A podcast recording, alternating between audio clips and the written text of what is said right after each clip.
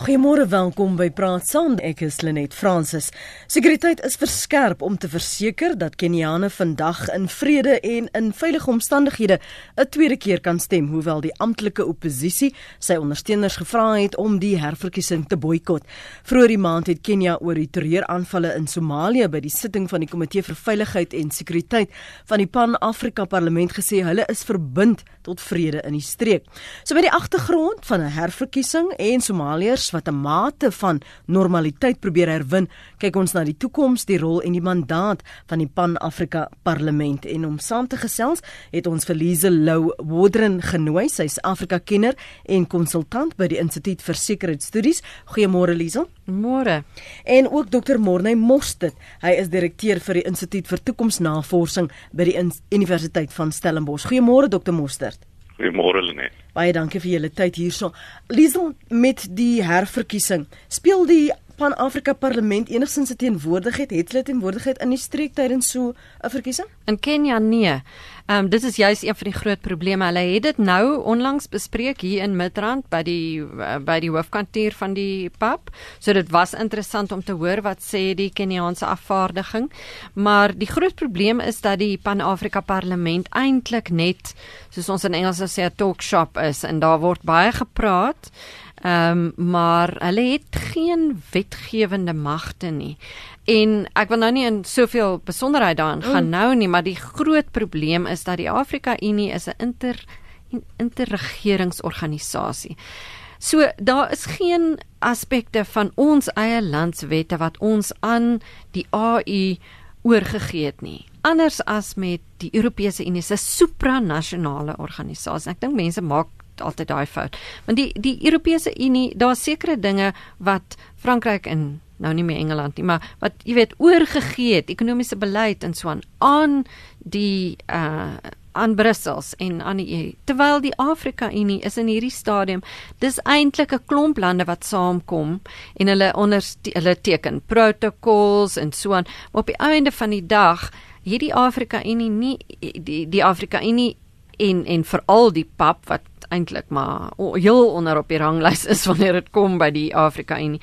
Hy hy het regtig nie geen tande nie. So hoe regverdig jy bestaansreg dokter Moster? Ehm um, as 'n mens uh, in die langer termyn kyk, kan 'n mens kan 'n mens dalk sê hy is maar besig om deur sy evolusie te gaan en die gees waarin dit geskep is, is eintlik 'n baie positiewe idee.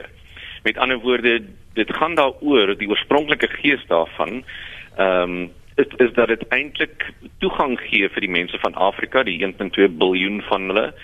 Ehm um, tot uh, tot 'n baie dat hulle baie meer betrokke is by hoe die hoe die kontinent bestuur word en dat hulle ingelig word oor hoe dinge ontwikkel op die kontinent. So die idee daar agter is 'n baie positiewe een, maar ek ek stem met Isel saam ongelukkig as gevolg van die afwesigheid van wetgewende gesag, uh, maak dit nie 'n verskil werklik nie en dit kos natuurlik ook 'n klomp geld. Daar is baie stappe in die proses om die ding te verbeter, maar ek dink dit is uiters traag en dit het baie doen met of die die leiers, die staatshoofde van Afrika eintlik bereid is om van hierdie wetgewende gesag oor te gee aan uh, aan hierdie parlement. Dit in 'n sekere sin is die verkeerde terminologie. Dit is eintlik nie 'n parlement nie. Uh, as 'n mens as 'n mens 'n parlement mm, sou mm. uh, definieer as een wat een verteenwoordigend is van die mense tot 'n mate kan mense dit regverdig ons kan nou oor die struktuur praat as jy wil. En tweedens dat dit wetgewende gesag het dit dit dit uh, definitief voldoen nie aan die tweede vereiste nie. So waarom enigsins so in uh, wat sal mense dit noem? Want ons kan dit nou nie 'n parlement noem nie. Ja, so 'n institusie, 'n instelling. Ja, 'n instelling is ja. maar veiliger geskep dan. Ja, die die historiese agtergrond is dit is dink ek ook een van die wel, jy weet, is dit was een van die drome van uh oud president Thabo Mbeki saam met NEPAD die African Peer Review Mechanism toe die AI in 2002 geskep is, was daar al hierdie groot planne gemaak.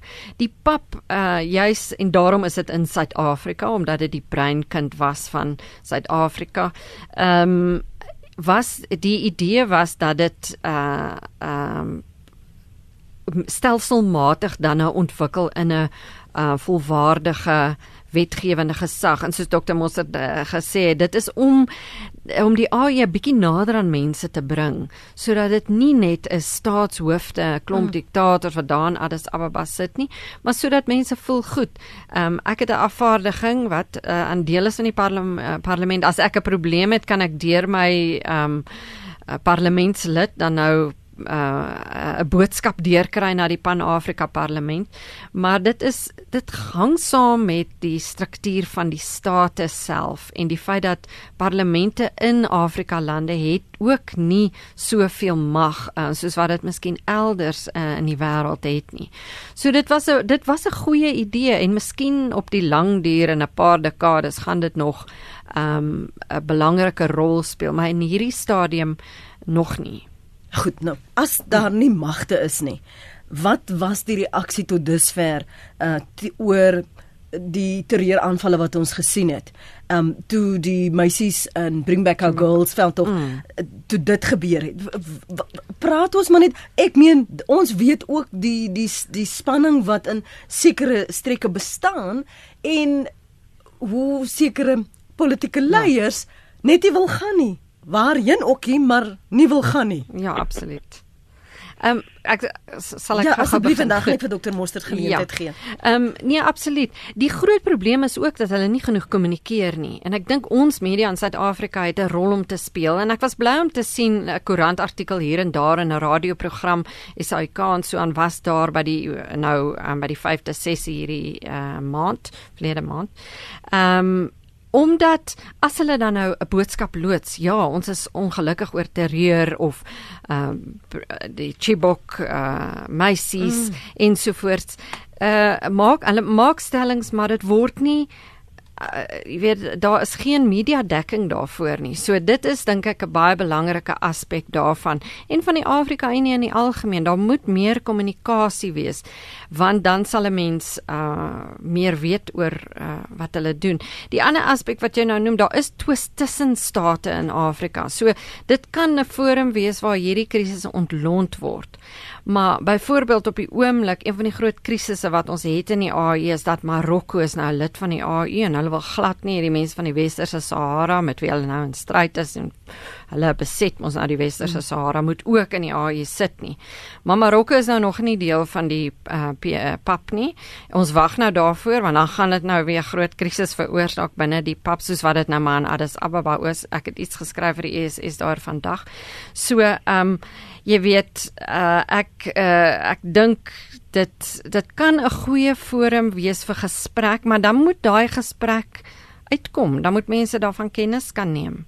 Jy het net nog gesê dokter Mostert en verwys na dit half uh, evolusie, uh, maar mens hoop dat dit 'n evolusie sal ondergaan en dat dit 'n manier is om om dinge te ontwikkel en te praat en mense ingelig te hou. Maar as dit tot dusver soos uh, Diesel sê die kommunikasie so sleg is, Hoe ver het hulle nou gekom met die evolusie? Wat wat het hulle die laaste ruk gedoen? Waarop het hulle gefokus?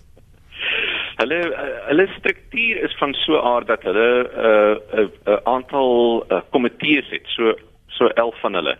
En dit is alles dinge wat jy eintlik se dink is geweldig belangrik vir Afrika. Uh, dis handel, Uh, met ander woorde dit is 'n belangrike ding is in handel byvoorbeeld die die intra-Afrika handel ten spyte van al die oproepe sedert die laat 1950s dat Afrika lande met mekaar moet handel dryf en um, is die meeste verslae dui daarop dat die die intra-Afrika handel is net omtrent 12 tot 14% van die totale ehm um, handel in Afrika. Met ander woorde ehm um, die die die vordering is nie eintlik daar nie, maar uh, die die teenargument is dat Ehm um, die geleentheid is daar. Met ander woorde, die dit kom eintlik van 'n relatiewe lae basis. Dit kan mense erken en die vordering was stadig. Dit kan ons ook erken, maar daar is geweldige geleentheid vir ontwikkeling. En hierdie komitees is eintlik baie sinvolle dinge. Dis soos ek sê, dit gaan oor handel, dit gaan oor geregtigheid, opvoeding, gesondheid, families, uh, vervoer. Byvoorbeeld, die die die idee van intra-Afrika uh handel gaan ook baie nou saam met die idee van intra-Afrika vervoer. En daar is idees rondom uh die die soort van paspoort vir Afrika en daar is reeds vordering gemaak in byvoorbeeld die uh soort van ekonomiese areas, economic regions van Afrika om wel ehm um, tussen lande byvoorbeeld vervoer te verbeter uh, en en handel te verbeter. Met ander woorde, ek ek dink ons kom van 'n lae basis af.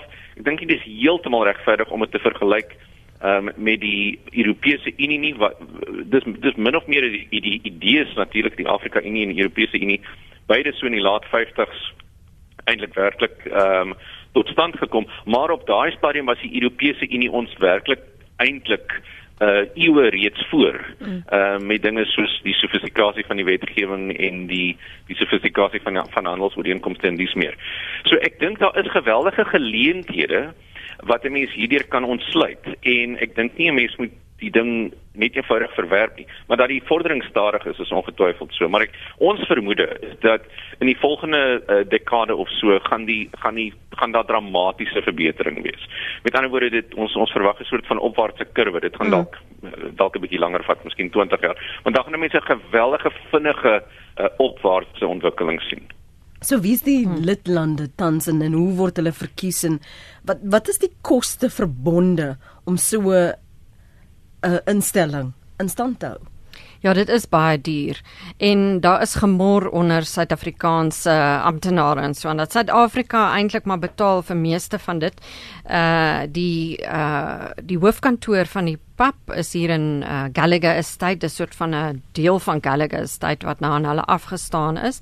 Ek dink my kollega Pieter Fabricius het geskryf as iets soos 22 miljoen uh, dollar 'n uh, jaar. Mm, mm. Uh, wat, maar elke afvaardiging, daar's nou 4 lede in elke afvaardiging, ehm um, moet hulle betaal ehm um, teoreties hulle eie koste. En ek kan onthou toe die pap begin het was daar gemor ook gekla omdat van die afvaardigings hier by die Ibis Hotel hier in jy weet langs die N1 snelweg na Pretoria moes bly en die Libiërs het in die Michelangelo in Johannesburg gebly so daar was want op die kontinent natuurlik is daar ryker lande en armer lande ja. maar goed.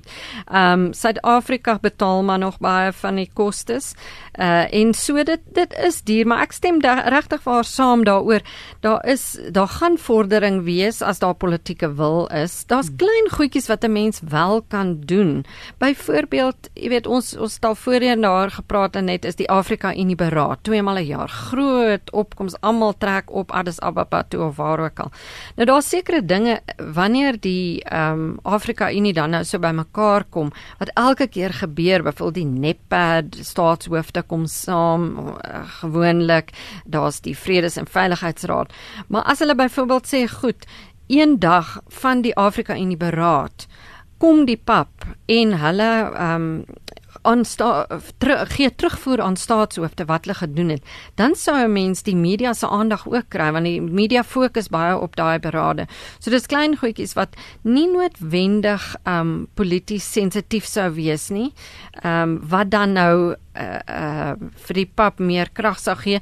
Die ander voorstel is dat die pap skuif na Addis Ababa toe. Uh uh dis 'n moontlikheid daar's baie amptenare wat dit nie wil hê nie want ek meen kom ons wees nou maar eerlik daar's baie meer geleentheid vir inkopies hier in Johannesburg as in Addis Ababa. Ek's nou jammer ek kan dit maar seker sê as 'n buitestander. Almal sê dit so tussen die lyne. So daar's regtig mense wat nie wil uh, Addis Ababa toe skuif nie.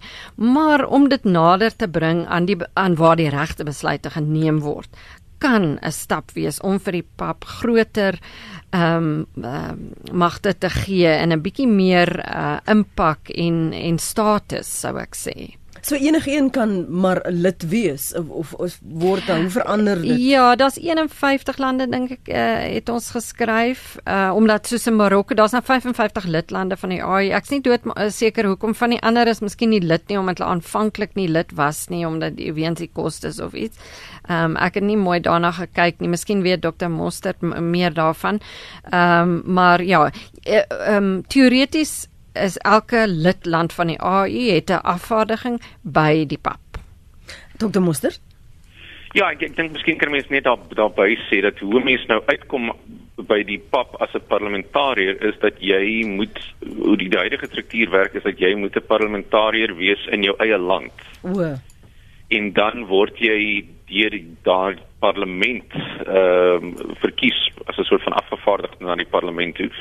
Maar ek dink 'n uh, uh, addisionele ding as ek kan aansluit by Liesel is dat uh, indien 'n mens sou 'n uh, groter Afrika bewustheid kweek onder lidlande en dit sluit natuurlik Suid-Afrika in. Mm. Ek meen, kom ek sê dit so, wanneer laas het ons 'n debat gehad in Suid-Afrika oor wie Suid-Afrika moet verteenwoordig by die PAP? Ja. Uh, ek dink dit het al ooit gebeur nie. Met ander woorde, dit is nie dit is soos legal uitwys. Dit die die die die dekking daarvan in die media en in die algemene debat is eintlik baie laag. Ons sou redeneer dat dat dit eintlik 'n baie groter prominensie prominensie moet hê, veral omdat Suid-Afrika besig is om sy relatiewe kompetitiwiteit te verloor met betrekking tot Sub-Sahara Afrika. So die die die aktiewe rol wat Suid-Afrika moet speel in liggame soos die PAP uh, is uh, raak eintlik baie meer belangrik. Kan ons dan aanneem as jy net sê dat daar is nie genoeg kommunikasie nie en uh, selfs die die wyse waarop daar beklei word en gepraat word dat en die, die gemor hier in Suid-Afrika oor wat um, ons bestee dat as dit hier bekend is nie, dan is dit die res van Afrika dieselfde houding want daar's nie genoeg inligting nie. Ja, ek dink daar is tog ehm um, tradisioneel is party lande se media baie meer gefokus op streekskwessies. Mm. Kenia, Nigerië, selfs in plekke soos Senegal en Wes-Afrika. Ek weet nie tot watter mate hulle uh die uh, ek meen dat hulle die ehm um, wat se resources dat hulle dat hulle hulpbronne die hulpbronne het om uh, media hiernatoe te stuur nie. Die voorsitter van die PAP is van Kameroen, so wat hy sê word so van tyd tot tyd in die media uh, herlei. Uh, Mense kry natuurlik internasionale media wat 'n uh, baie goeie uh herleier sou wees van inligting want dit word reg oor die kontinent gebeeld sien maar ek het nog nooit iemand van Reuters of AFP of so daar gesien nie. Daar moet iets regtig dramaties wees vir hulle om aandag te gee. So, jy weet dit dit is regtig jammer dat daar nie meer aandag is nie in in die kontras dan met die uh, Europese Parlement. Ek stem saam, dis 'n mm. reg onregverdige vergelyking want uh daar is verkiesings in Europese lande vir hulle afvaardigings na die ehm um, na Strasbourg na die Europese Parlement waar die parlementslede dan interessant genoeg nie so seer hulle land verteenwoordig maar in streke of in uh ideologiese groepe daar's die groen groep en dan is daar die links is nie regs is en so. Jy weet so die parlement in Strasbourg is heeltemal 'n ander kwessie en ek dink uh daar word baie meer ehm um, daar's 'n baie nouer verbintenis dan tussen gewone burgers en hulle verteenwoordigers uh in die parlement. Terwyl die pap teoreties uh, soos ek kan reg onthou in die begin van die 2000 soos die pap nou geskep is was die idee ook dat in daai afvaardiging daar ook uh lede van die oppositie moes gewees het. So ja. uh is dit so? Ja. Ehm um, ek kan onthou ja dat daar aan die begin byvoorbeeld Zimbabwe daar was 'n lid van die MDC want dit moet proporsioneel wees volgens ehm um, jou verteenwoordiging dan in jou parlement by die huis. Uh, maar ek dink dit het stelselmatig met die tyd ook 'n bietjie hulle daai ding omseil want daar soos ek sê daar's baie lande waar die parlement is eintlik maar baie uh onder uh, die uh, besluitneming van die uh, land se uh, regerende party en dan uh, wie ook al uh aanbewind is. Maar ek dink in 'n geval wat dit wat Suid-Afrika betref is daar oppositie verteenwoordiging. Dr. Moster? Ja, dis reg. En, en so dit is weer eens eintlik 'n goeie beginsel dat ehm um, ten einde hierdie doelwit van verteenwoordiging van die mense van Afrika te bewerkstellig kry jy nie net die die regerende party wat verteenwoordiging het by die PAP nie. Jy kry eintlik ook die oppositie en, en dit dit is eintlik 'n baie goeie demokratiese beginsel.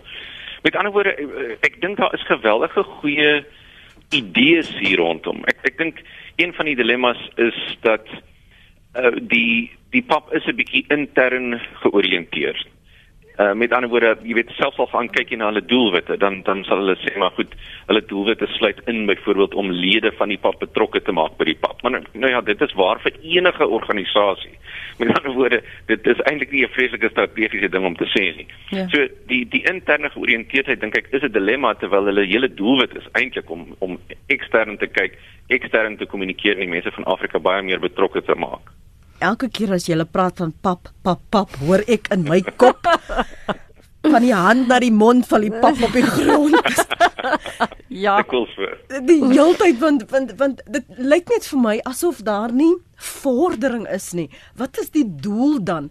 Um as jy hier 'n geleentheid het terwyl daar so baie ontwikkelinge, so baie inmenging ook is in Afrika en die kontinent al groter belangriker rol begin speel, sou ek verwag as 'n Afrikaan dat hulle sterker na vore sou tree. Ja, absoluut. Maar ek dink dit is maar weens die strukturele probleme en die gebrek aan belang deur die media ensovoorts wat uh wat wat daar hierdie uh, die pap is amper gesigloos, jy weet. Dit is 'n groot probleem, maar dit is nie net die pap nie, men daar's baie instellings van die Afrika Unie wat dieselfde lot uh jy weet ervaar. Hmm. Waarom is dit belangrik om juis vandag of om enigstens te praat oor 'n instelling wat blykbaar nog nie daaraan geslaag het om dit wat hulle boodskap is te formuleer nie. Hoekom moet ons van hulle kennis dan neem? Wel, omdat ek dink hulle het groot potensiaal. Dit is definitief een van die Bafana Bafana het ook so potensiaal. Ekskuus, jammer. Ekskuus, ekskuus. Ja, nee, ek dink dit is 'n goeie ding en dit is dis goed dat ons dit op die agenda plaas as iemand anders dit doen nie. Ehm um, omdat dit 'n instelling is wat ehm um, uh, ja, wat wat potensiaal is, dit bestaan daar, dit uh, daar is elke jaar, twee keer 'n jaar is daar 'n groot vergadering van die afvaardigings van die pap. En dis een van die min geleenthede waar ons eintlik parlementslede en politici van reg oor die kontinent van 51 lande hier in ons midde het hier in Midrand. Dis eintlik opwindend as mens daaroor dink. Hulle het ook so baie kennis en 'n mens kan met ook met hulle in interaksie tree oor wat aangaan op die kontinent. Jy weet, ons is baie keer geneig om so ehm um, binne toe te kyk terwyl die lot van ons mede-Afrika lande is mm. is baie belangrik in terme van besigheid en die politiek Ehm um, so dit is dit is 'n geleentheid ek dink wat misbruik moet word. Hulle uh, misbruik word. Hulle kan maar net hulle kommunikasiedepartement ook 'n bietjie uh, opskerp. So wanneer ons praat van hierdie protokols Dr Mostert, wat is die implikasie daarvan en as daar nou by by so 'n konferensie of vergadering wanneer hulle wel ontmoet sekere protokol besluite geneem word, wat word dan daarmee gemaak? Huidiglik is dit eenvoudig raadgewend. Ehm um, maar uh, as mens nou daarna kyk van 'n navorsingsperspektief dan dan is 'n mens besig om 'n soort van kennisbasis op te bou van van baie belangrike dinge wat in Afrika gebeur. En weer eens die die basis daarvan die basis van van kennis uh, reg oor die kontinent uh, of of of of kennis oor die kontinent is eintlik nie so goed ontwikkel soos in Wes-Europa nie. Met ander woorde in daai opsig dink ek dis weer eens 'n geleentheid wat die wat die pap kan aangryp. Ons sê ons is eintlik besig om baie baie vinnig uh dit is een ding wat baie wat wat wel teen 'n redelike spoed ontwikkel om vinnig 'n soort van kennisbasis op te bou oor die kontinent en die kernvraagstukke wat aangespreek moet word. Maar op die oomblik is dit is dit eenvoudig adviserend van aard. Ons stel natuurlik belang altyd in waar dit gaan met die Toekoms ja. Instituut en en ons vermoede is dat ons binnekort 'n baie groter druk op die uh, pap gaan waarneem. En en dit is omdat ehm um, ons in die volgende dekade of twee glo 'n groot uh, ontploffing sal sien in in demokratisering baie van die leiers waarvan jy vroeër gepraat het Lenet wat nie wil uh, wat nie by die see wil gaan sit nie ehm um, hulle wil vasbyt. Hulle gaan ehm um, hulle gaan ehm um, nie meer vir veel langer daar wees nie. So daar's 'n groter demokratisering, die leierskap is besig om te verander, die geletterdheidsvlakke in Afrika is besig om te ontwikkel en dit maak dat baie, baie meer mense baie meer belangstel in 'n uh, groter kontinentale prosesse daarmee is saam is verstedeliking natuurlik besig om te ontwikkel teen 'n enorme tempo en hmm. dis meer. Met ander woorde, ons verwag dat die druk op die pap in die volgende uh, dekade of so baie groter sal wees, dat die energie met ander woorde nie net van die AI en van die parlementariërs self sal kom nie, maar eintlik baie meer van die burgery. Ja, dit is definitief so. Ek meen die tendense wat ons nou waarneem.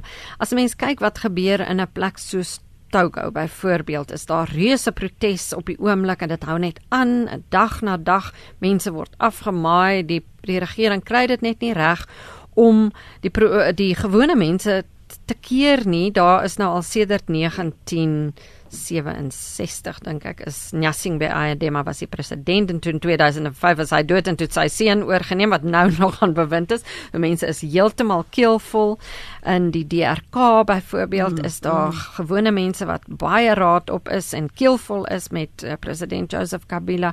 Mense kan omtrent in elke land op die kontinent sien dat daar waar daar vergrype is en waar die president uh, net eenvoudig uh, klou aan mag is daar al hoe meer uh gewone mense wat net die strate invaar. En natuurlik die ander aspek is ook die sosiale media die kommunikasie mense is net eenvoudig meer ingelig oor wat aangaan. Dit het dit het sy negatiewe aspekte wanneer dit kom by die aanblaas van geweld en uh etnisiteit ensovoorts. Maar ehm um, die die ek dink die hele ehm um, aspek die hele konteks uh, in Afrika is baie ander anders nou. Uh in en die wat die toekomsstudies doen soos uh, Dr Mostert en by die Instituut vir Sekuriteitsstudies ook dui daarop daar gaan meer verstedeliking wees. So mense gaan selfs nog meer uh gekonnekteer wees met mekaar en en hopelik gaan die demokratisering maar baie stadig uh plaasvind. Dis maar baie moeilik. Ek dink dit is ek kan aansluit. Mm. Dit is dit is ook goeie nuus vir Suid-Afrika. Uh omdat Suid-Afrika homself baie keer as 'n uitsondering ag. Ja. En en homself dikwels vergelyk met wat in ander Afrika lande gebeur en dan as gevolg van die soort van relatiewe demokrasie van Suid-Afrika dan klop ons onsself op die skouer. Mm. Maar soos wat die tempo van demokratisering in die Afrika kontinent uh ontwikkel, sal Suid-Afrika die kwaliteit van Suid-Afrika se se demokratisering en dit sluit sy sy instellings in eintlik moet pas hou by wat besig is om te gebeur op die Afrika kontinent of ons gaan eenvoudig net agterraak. Nou hoe hoe omskep jy dit dat daar magte saam met hierdie uh, instelling dan kom as dit nog net tot dusver eh, 'n uh, gesprek of 'n forum was vir gesprek? Hoe hoe, hoe kan hoe kan jy dit teweegbring uh, dat hulle dan 'n groter rol daar kan speel? Wel eintlik die enigstes wat hieroor kan besluit is die staatshoofde van die Afrika Unie. Ehm um, tydens hulle beraad, daar was die beraad in Malabo in 2014 dink ek waar hulle sekere besluite geneem het rondom die PAP maar dit gaan daaroor dat hulle meer magte aan die pap moet toeken want op die oomblik is die grootste die belangrikste uh, besluitneming is instelling van die Afrika Unie is die uh, assembly soos hulle mm. sê van die AU en dit is die staatshoofde. So dit moet van hulle afkom, maar daar kan ook groot impetus wees van die kommissie in Addis Ababa wat nou gelei word deur Musa Faki Mahamat uh, wat Nkosazana Dlamini Zuma uh, natuurlik uh, van haar oorgeneem het. So hulle kan ook van daar, hulle maak baie aanbevelings aan die staatshoofde en sê goed, dit en dit en dit stel ons voor soos ons gesê het byvoorbeeld meer sigbare rol vir die pap by die Afrika Unie, uh, sê tweejaarlikse beraad, laat hulle meer uh um wetgewende magte mm. kry. Dit is 'n dit is 'n gesprek wat al jare, jare, jare duur. Ek kan onthou weer dan sê mense nee, maar die pap gaan het nou 'n nuwe voorstel op die tafel. Hulle gaan wetgewende magte kry. Maar totdat die demokratisering nie op so 'n punt gekom het waar elke staatshoof in sy land sê nee, maar dis 'n goeie ding dat ons uh wetgewende gesag het wat 'n uh, oorsig kan uh, op die uitvoerende gesag ehm um, hou nie. Ehm um, as ons nog nie daai punt bereik het nie, gaan dit in elk geval baie moeilik wees. Swaar gewigte op die kontinent soos Suid-Afrika dryf baie keer verandering. Suid-Afrika, Nigerië en hierdie stadium is Suid-Afrika ehm um, bietjie op die agtergrond.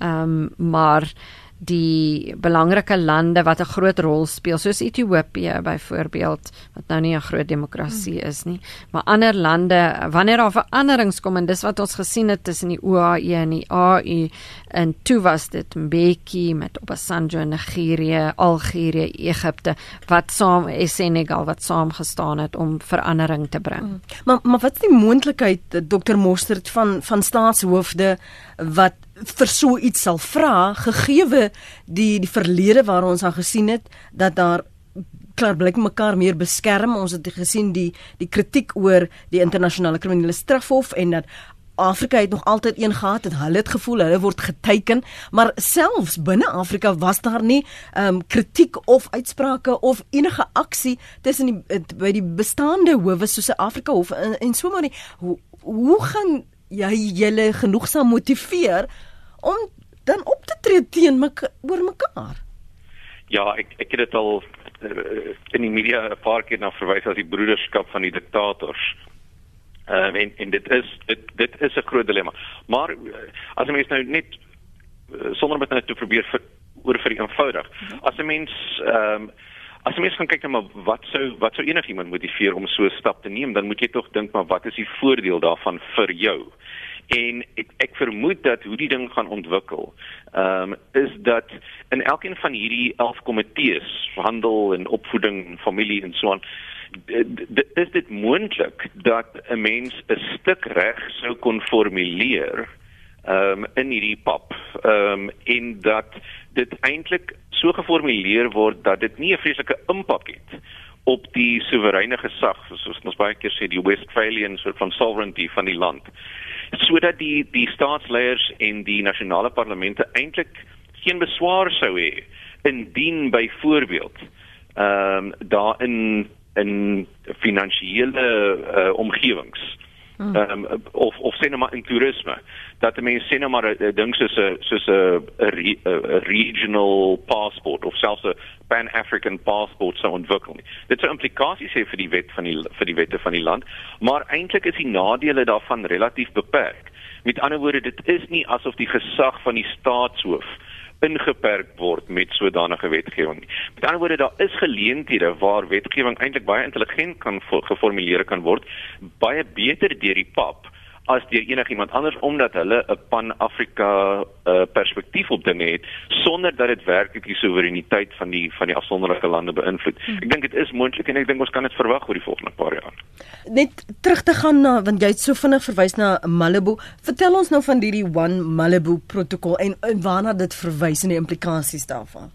Ja, dit was daar was twee protokols nou eintlik in daai selfde ehm um, jaar by daai Afrika Beraad in Malabo, die hoofstad nou van die Ekwatoriaal Guinea wat eintlik een van die voorbeelde is van hoe 'n land nie geregeer moet word nie. President Obiang is ook al meer as 3 dekades daaraan bewind.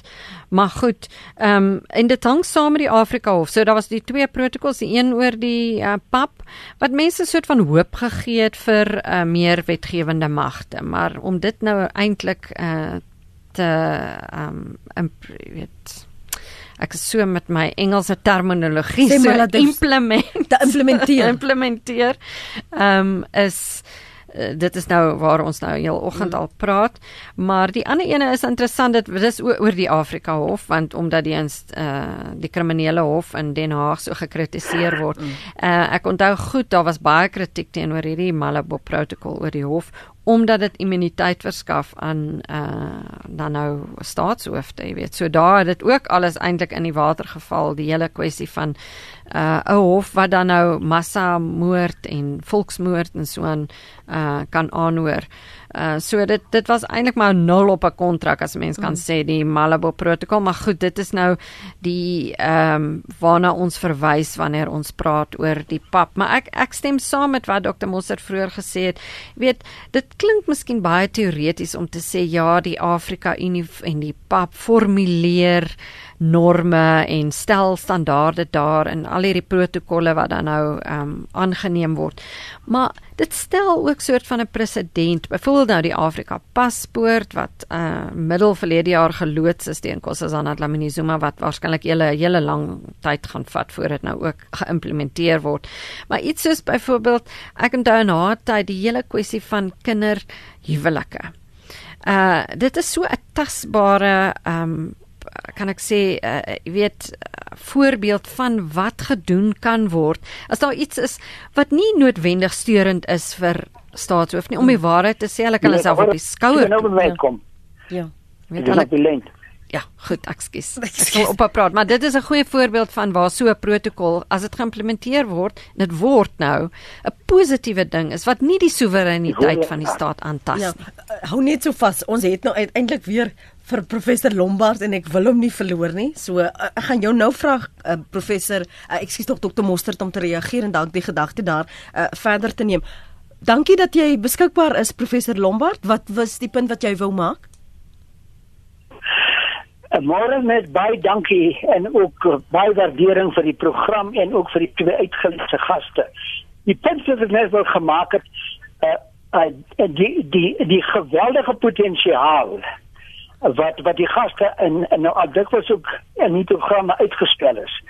Die word aan bande gelê omdat daar 'n gebrek is aan 'n eie visie en 'n eie konsep van die Afrika leiers binne pap binne pap. Hulle is nog so besig om anti-Europees te wees as 'n naklank uh, om om om die spook van kolonialisme om dit uit te skakel en dit is, is nou al sedert 1950 in Ghana se so so oor is dit nou al die aan die gang.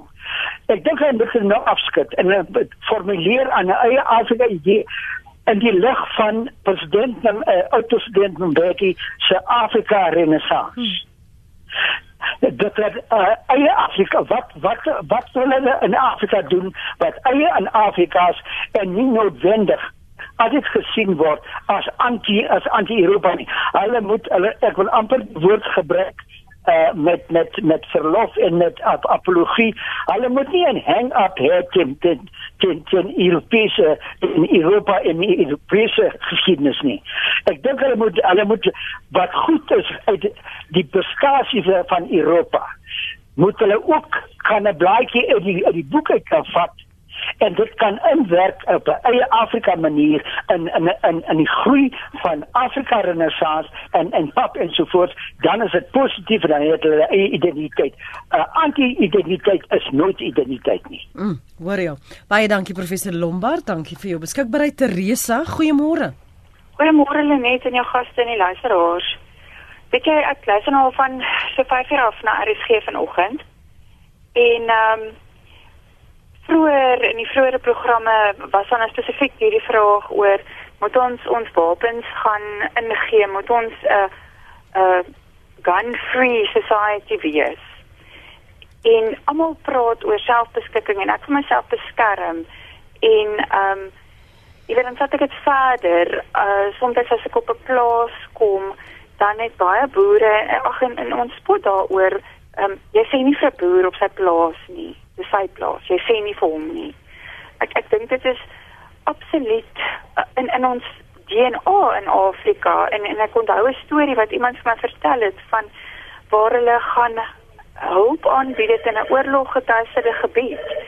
En dan praat die mense, as dit met my buurman gebeur, is dit oukei, okay, dan moet maar met hom gebeur wat met hom gebeur, maar as dit met my gebeur, dan wil ek hand in gryp en ek dink dis ons grootste probleem by iets soos die Afrika Unie en om pap aan die gang te kry. Niemand, nie een van ons leiers is op 'n punt waar hulle bereid is om gesag vanuit 'n ander organisasie te aanvaar nie. Hmm. Ons is net nie so ver gevorder soos die Europeërs wat sê wel, ek ek as ehm um, kom ons sê maar Frankryk het nou die uh EU se reëls oortree en en ek gaan my nou onderwerp aan die straf wat my toe kom nie. Ons ons gaan dit net in Afrika nooit laat gebeur nie. Ons hoor wat sê ons gaste daaroor.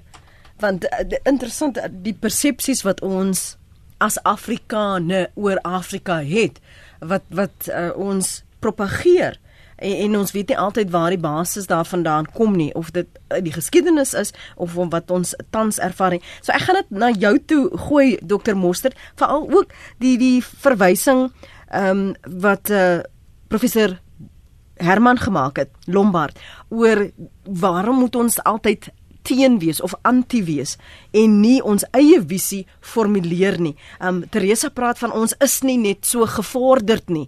Um is dit 'n persepsie? Is dit gegrond op waarheid?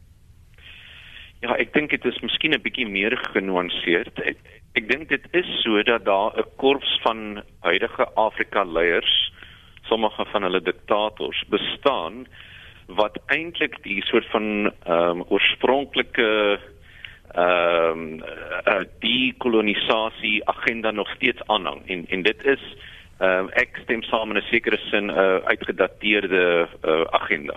'n Mens moet jou 'n mens moet jouself in 'n sekere sin definieer. Maar daar is ook geweldige klomp werk wat gedoen word om dit wel te doen.